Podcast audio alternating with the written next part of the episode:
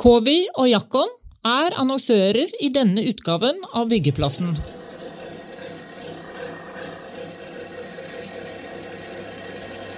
«2020 ble året vi aldri kommer til å glemme, heller ikke i byggenæringen.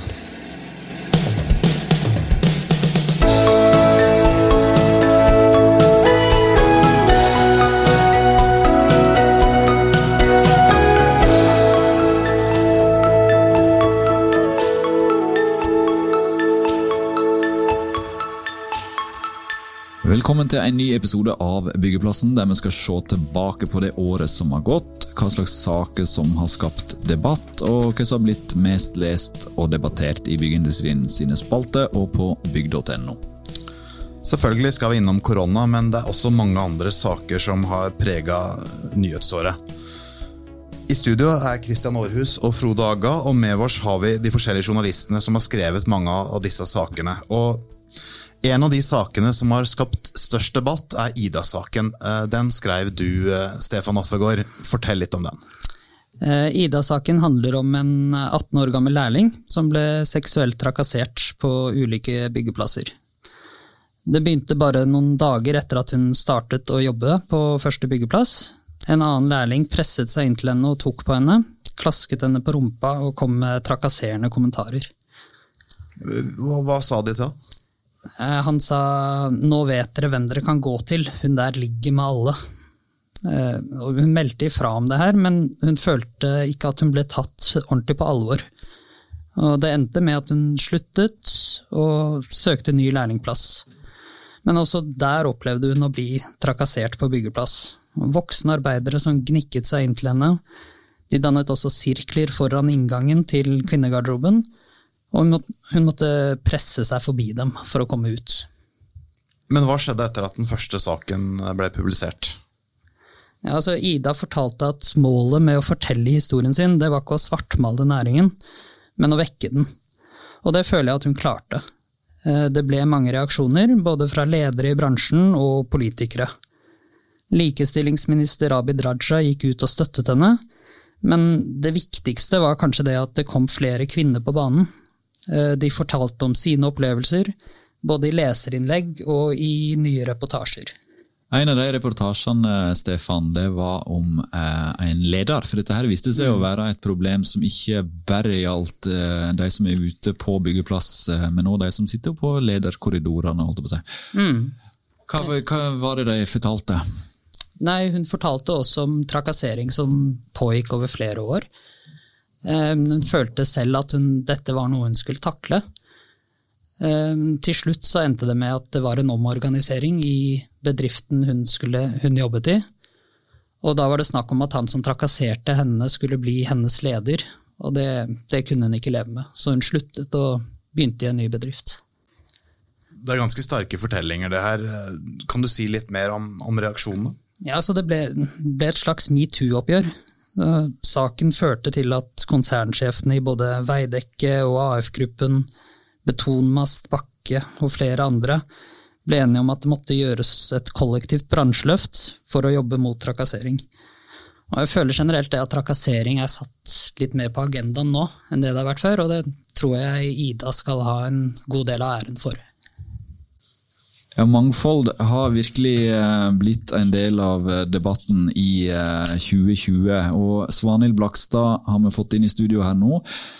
Du er en av de journalistene som skriver mest om det temaet i byggenæringen. Og hva kan du si om den debatten som har gått om mangfold i 2020?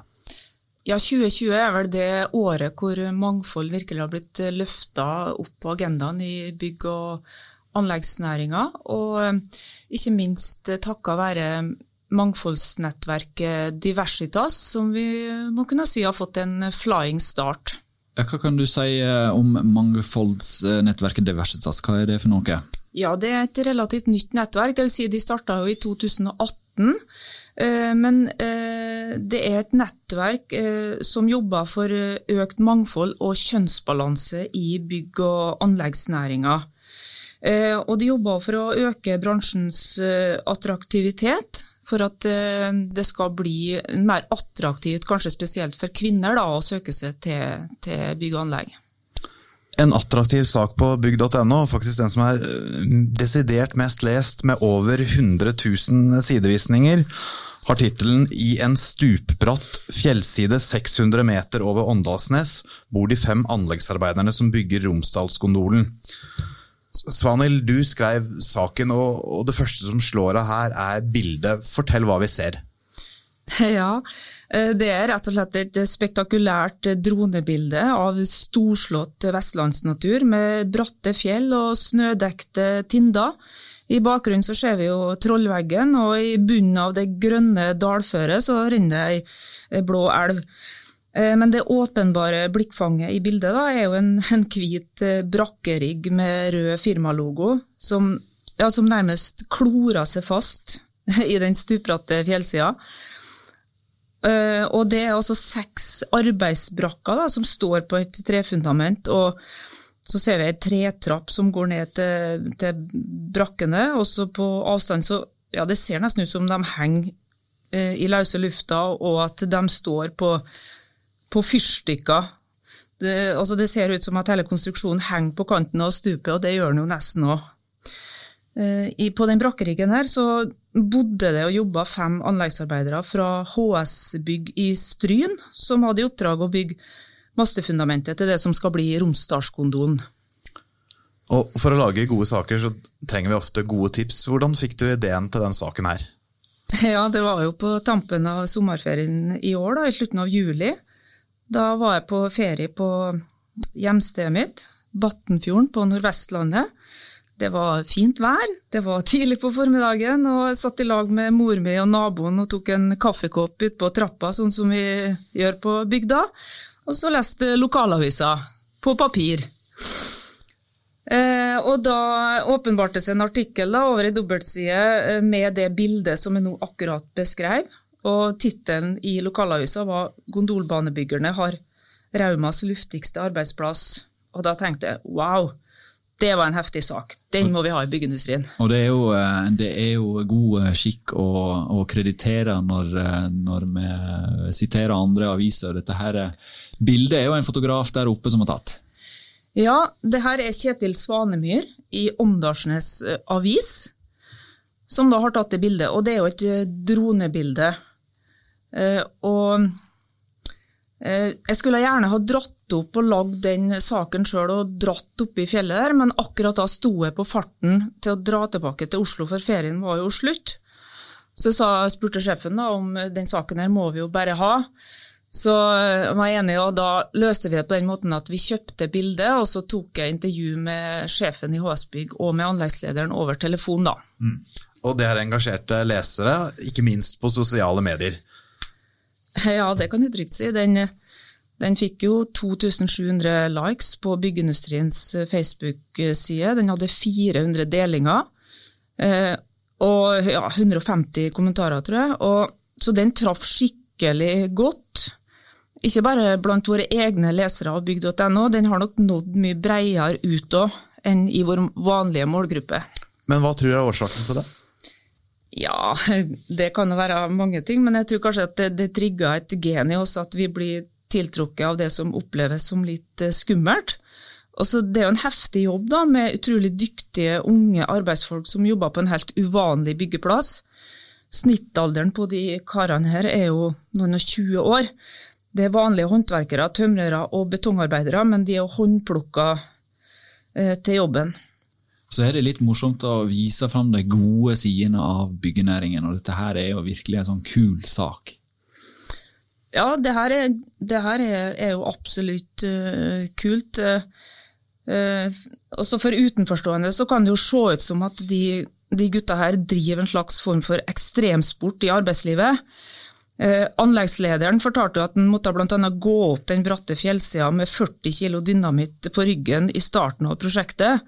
Eh, så, for de kunne ikke fly den med helikopter. Eh, men det som er, ser skummelt ut for utenforstående, det er jo ikke nødvendigvis det, for sikkerheten er jo satt i høysetet. Vi tar en kort pause fra byggeplassen for å høre fra våre annonsører. I høst hyller Covi ingeniørdagen i byggenæringa.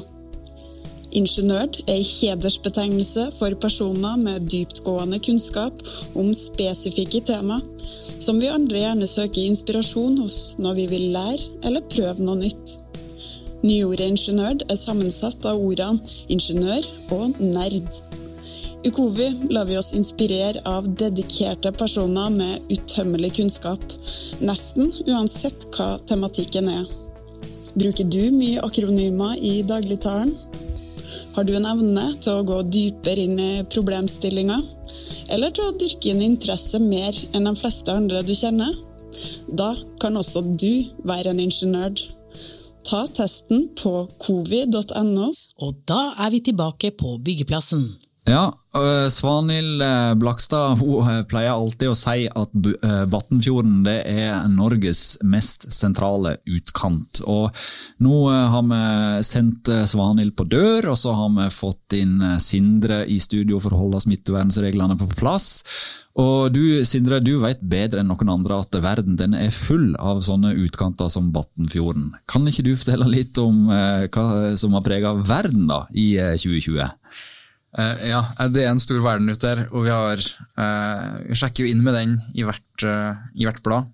Og det har vært mange rare og interessante, uh, kuriøse saker eh, fra verden. Og når du sier vi sjekker inn uh, med det i hvert blad, så betyr det at vi har ei spalte i byggeindustrien, bladet vårt, som heter Verden.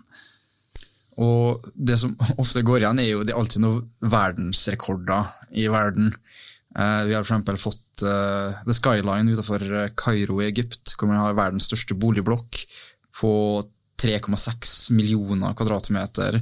Eh, 13 500 eh, eh, leiligheter.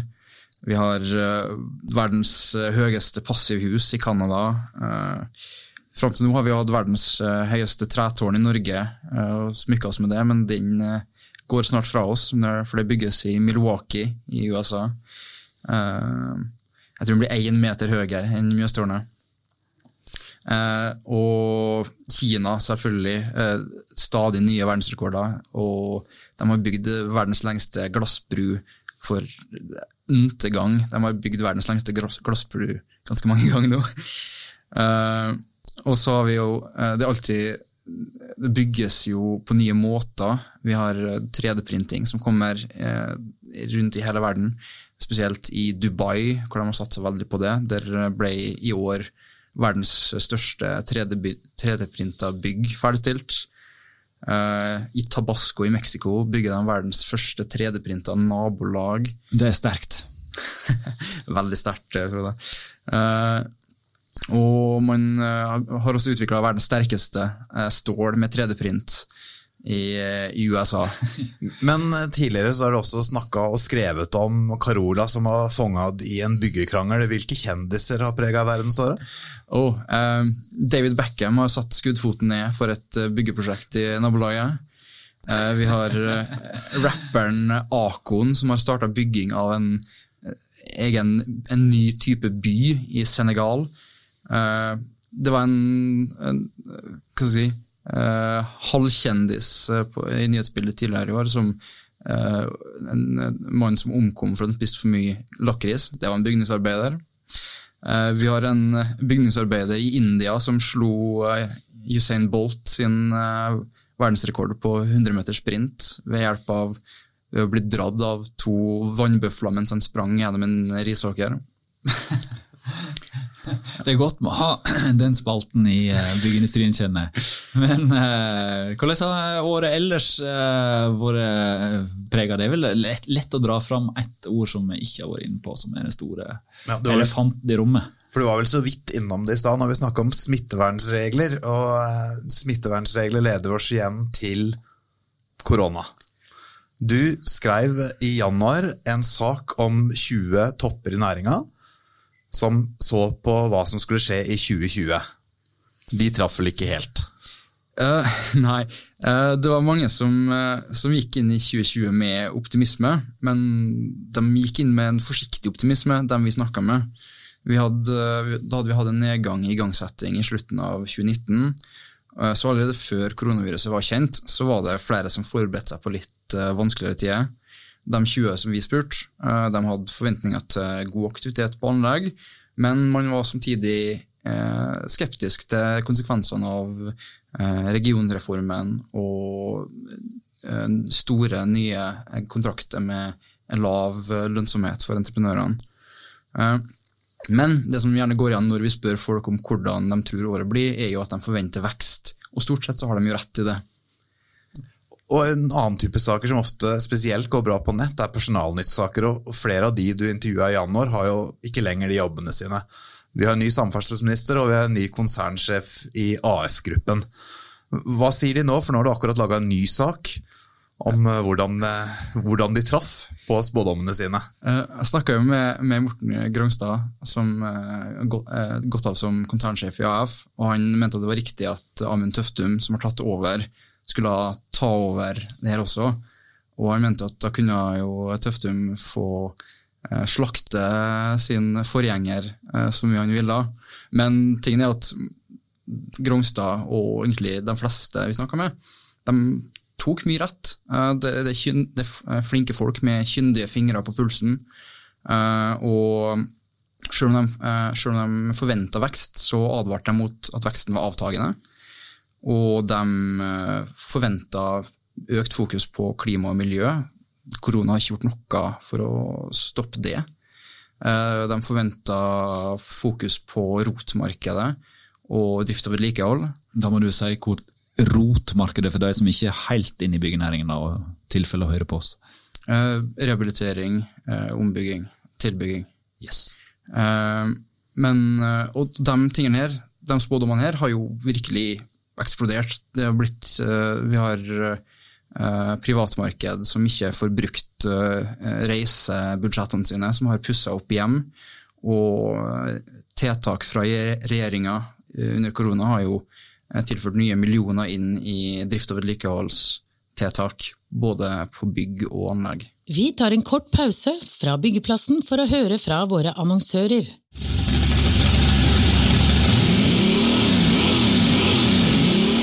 Du kjerra mi i bakgrunnen? En 57-modell Chevy 350 fra Holden. En rå V8-er med høy lyd og høyt bensinforbruk. Vil du heller spare energi, så skal du sjekke ut en 350 fra Fredrikstad isteden, nemlig Jakkon Termomur 350. Termomur er det moderne byggesystemet som gir høy bokomfort og lave energikostnader. Systemet er like bra både til grunnmur og vegger. Med Termomur 350 så tilfredsstiller du myndighetenes krav, med god morgen! Og da er vi tilbake på byggeplassen. Etter å ha prata litt om verden, så er det vel kanskje naturlig at vi tar inn han som sitter øverst i byggeindustriens verden, sjefredaktør Arve Brekkhus. Hvordan har covid-19 påvirka næringa? Eh, det har jo prega byggenæring som samfunnet rundt oss ellers i relativt stor grad, helt fra, fra 12. mars, egentlig. Ikke minst den første tiden. Det var mye usikkerhet og utfordringer med hvordan bedriftene skulle holde drifta i gang, og spesielt ute på byggeplassene. Da. Men jeg syns det har gått bra. Eh, bedriftene har klart å holde hjula ganske godt, godt, i gang, egentlig på et imponerende vis, syns jeg. Eh, byggeplassene har stort sett vært åpne. Det var litt problem i starten, ikke minst med karanteneregler internt i, eh, i landet. Såkalte søringkarantene spesielt var jo mange som sleit med, men det gikk over. og Nå med, med innreiseregler har det vært litt problemer med utenlandske arbeidere, men uh, det har gått bra, og jeg er imponert over hvordan næringens aktører har klart å få, få dette til. Altså. Så prata vi akkurat med Sindre om eh, alle spådommene som ble gjort før 2020. Nå skal du få den utakknemlige oppgaven med å spå hva som vil skje i 2021. Ja, det er ikke enkelt. Og det er vel sånn at det eneste jeg er sikker på, er at jeg er usikker, egentlig. For det, det er vanskelig. Men sånn som jeg ser det nå, så tror jeg skal gå ganske bra. Det meste synes å ha bra fart nå inn i det nye året. Boligmarkedet går veldig bra og er på vei oppover, faktisk. Usikkerhetsmomentet er egentlig private næringsbygg. Altså. Det er der vi kan se en, en brems og en stopp. Um, offentlige bygg ser bra ut, men det er klart investeringer i nye hotell og en del kontorbygg der vil nok eh, stoppe litt opp, tror jeg. Derfor syns jeg det er viktig at myndighetene at de ser dette her nå, og at de bruker muligheten som finnes da, til å skru opp tempoet på, eh, på offentlige bygg. Rehab det kommer til å gå kjempebra fremover, både innen privat og offentlig. det er jeg helt sikker på. Og infrastrukturinvesteringer òg holder et veldig bra tempo, og det vil fortsette, fortsette inn i året. Men det som jeg er mest usikker på, det er egentlig hva som skjer på slutten av 2021 og, i starten av 2022, 2022 og utover der. da. For det er sånn at Odd-reservene som, som, må fylles opp, de går ikke opp så mye nå som de burde ha gjort. Og Det betyr at det er en del investeringer som er satt på vent. Og Det betyr at du kan risikere en raskere stopp i markedet nok litt fram i tid. Så Det kan jo få store konsekvenser for mange hundre tusen ansatte i næringen vår. Vi er jo landets største verdiskaper. Og klart Stopper det opp i bransjen vår når de andre bransjene er ferdig med korona, så kan det få et stort problem for hele, for hele samfunnet, og ikke bare for byggenæringen. Og Det er ikke utenkelig at det skjer, så det er viktig at det offentlige i hvert fall ser mulighetene og hva, hva ansvar de har nå. da. Og så følger vi konkursåpningene ganske tett i byggeindustrien og på bygg.no. og Helt siden starten av krisa så hørte vi at nå kommer det til å komme et konkursras. Det er ikke kommet. Kommer det? Ja, konkurser har ikke kommet, eh, og jeg tror det kommer. Jeg tror det kommer et sånt ras, men jeg tror vi får et nivå der vi kommer opp på et tilnærmet normalnivå. Kanskje vi får en litt eksplosjon på starten av året, men at vi kommer på et normalnivå, det tror jeg vi gjør. For det er støtteordninger forsinkelse byråkratiet har gjort at en del bedrifter som burde ha gått konkurs, og kanskje skulle ha gått konkurs nå i løpet av de siste, siste månedene, de har ikke gjort det. Og de vil kanskje samle seg opp når vi kommer over på et nytt år. Som er at vi får en sånn enorm bølge, det tror jeg ikke, men vi får nok en økning opp til et tilnærmet normalt nivå. Det tror jeg. Frode, for oss i Byggeplassen har det vært et år med en stor produksjon. Det er blitt 27 podkaster. Og det har vært utstrakt bruk av både hjemmekontor og digitale løsninger. Ja, det er ikke tvil om det. og Jeg har til og med opplevd å eh, lage podkaster eh, i samme rom som Mohammed Salah og eh, Roberto Firmino, selv om det strengt tatt var bare plakater der. Da. For vi begynte jo å bruke heimekontor, som du sa, og da, da var det egentlig pakka ned podkaststudio. Og kobla det opp i det beste rommet du fant hjemme, og det var da mellommann sitt rom. Og derfra så ringte vi opp massevis av gjester og lagde Jeg har telt eh, tilbake til sju episoder akkurat da når det var fullt nedstengt, da, før vi kom inn igjen i eh, kontoret her. For vi så jo det på podkastene at det var et stort informasjonsbehov Eh, veldig høye lyttertall på en del av de koronapodene. Ja, det var det. Den som er mest lytta til, er vel den som heter noe sånt så Hva skjer i byggenæringen nå? Eh, når koronaviruset har kommet. Og eh, den fulgte jo opp nesten daglig der med krisepakkepod. Eh, fikk kommentarer fra BNL og andre bransjeaktører. Vi hadde en smittevernspod der vi snakket med en entreprenør, Veidekke, som sin lege, som fortalte om hva de gjorde på byggeplass. Og vi hadde en smittevernsekspert inne som snakka om det mer i sånn generelle ordelag. Og så hadde vi, hadde vi en permitteringspod. Dette her er jo noe som rammer veldig mange, og da var informasjonsbehovet for de som blir ramma av permittering stort. Det så vi fikk mange lyttere. Uh, og så ja, fulgte vi egentlig opp uh, litt sånn den, den utviklingen vi så, rett og slett. Men før koronaen kom, så hadde vi også en ganske spesiell pod. Dagen etter at eh, Fremskrittspartiet gikk ut av regjering, så hadde vi faktisk Erna Solberg som gjest. På scenen på Arctic Entreprenør. Det ja, var god gjort. timing. Ja, det var god timing. Det, hun sto i det hun eh, sa, hun at hun ville stille som gjest eh, hos oss selv om det ble krise og, og andre ting å håndtere for henne. Så stilte hun opp. Og, det var jo en live-podkast, og det har vi gjort et par ganger mm. med publikum. og Veldig, veldig moro, det, altså. Dessverre ble det ingen på Arendalsuka i år, for det ble jo ikke noen Arendalsuke, men vi håper at det kommer tilbake til neste år, for det var skikkelig gøy. Ja, og så har jo vi også, når vi snakka om Erna Solberg, eh, hun hadde vi som gjest eh, på scenen, men vi fikk òg eh, under pandemien lov å ta litt antibac på hendene og, og gnikke litt antibac på mikrofonene våre og ta dem med oss inn i regjeringskvartalet, der vi hadde Knut Arild Hareide som gjest. Og Det var vel også i forbindelse med Nasjonal transportplan, så vi var rimelig aktuelle der òg, føler jeg. Ja, det, det er veldig, veldig kjekt at, at at politikerne stiller opp som gjester når, når vi spør. Og så har vi hatt AF-gruppen sine ledere eh, her. Vi har hatt eh, Veidekke sin nye sjef Jimmy Bengtsson eh, som gjest. Og så Albert Hære var med oss digitalt. Det har jo blitt en del av den nye hverdagen vår. Albert Hære var jo så på at han egentlig svarte på alle spørsmålene i det første svaret sitt. Så der måtte vi improvisere litt. Ja, det er ikke alltid nytter å ha, eh, å ha eh, manus. Og så En av de andre podkastene som jeg gjorde fra det heimekontoret og barnerommet, det var jo den med helikopterpenger. Det var første gang jeg hadde hørt Det burde sikkert ha visst om hva var, men helikopterpenger, vet du ikke det? Jeg tror det er en slags sluttpakke. Nei, det er ikke det. Men helikopterpenger er altså et begrep som blir brukt på en stor sum av nye penger som blir trygt og fordelt i allmennheten for å stimulere i økonomi i en resesjon, eller når eh, rentesatsene faller til null. Og Den som introduserte det begrepet for meg, da, helikopterpenger, det var Eh, styreformann i Bertelsen og Garpestad, Sverre Garpestad, han òg var med på telefonen fra Egersund, der han fortalte at eh, når denne krisa slo inn, så eh, det de gjorde, var å gi 1,25 millioner kroner i, i penger til de ansatte som de skulle bruke i det lokale næringslivet der for å holde hjula i gang. Og Det er jo det ordet som har liksom gått igjen og gått igjen, holde hjula i gang. Og Der føler jeg at byggenæringen har i hvert fall bidratt på, på sitt.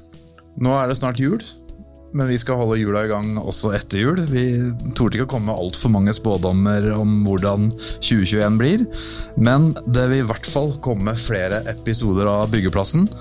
Tusen takk til Arve, Svanhild, Stefan og Sindre. Kristian Aarhus og Frode Aga har vært programledere.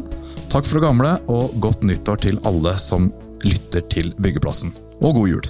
God jul. Jakon og Kowi var annonsører i denne utgaven av Byggeplassen.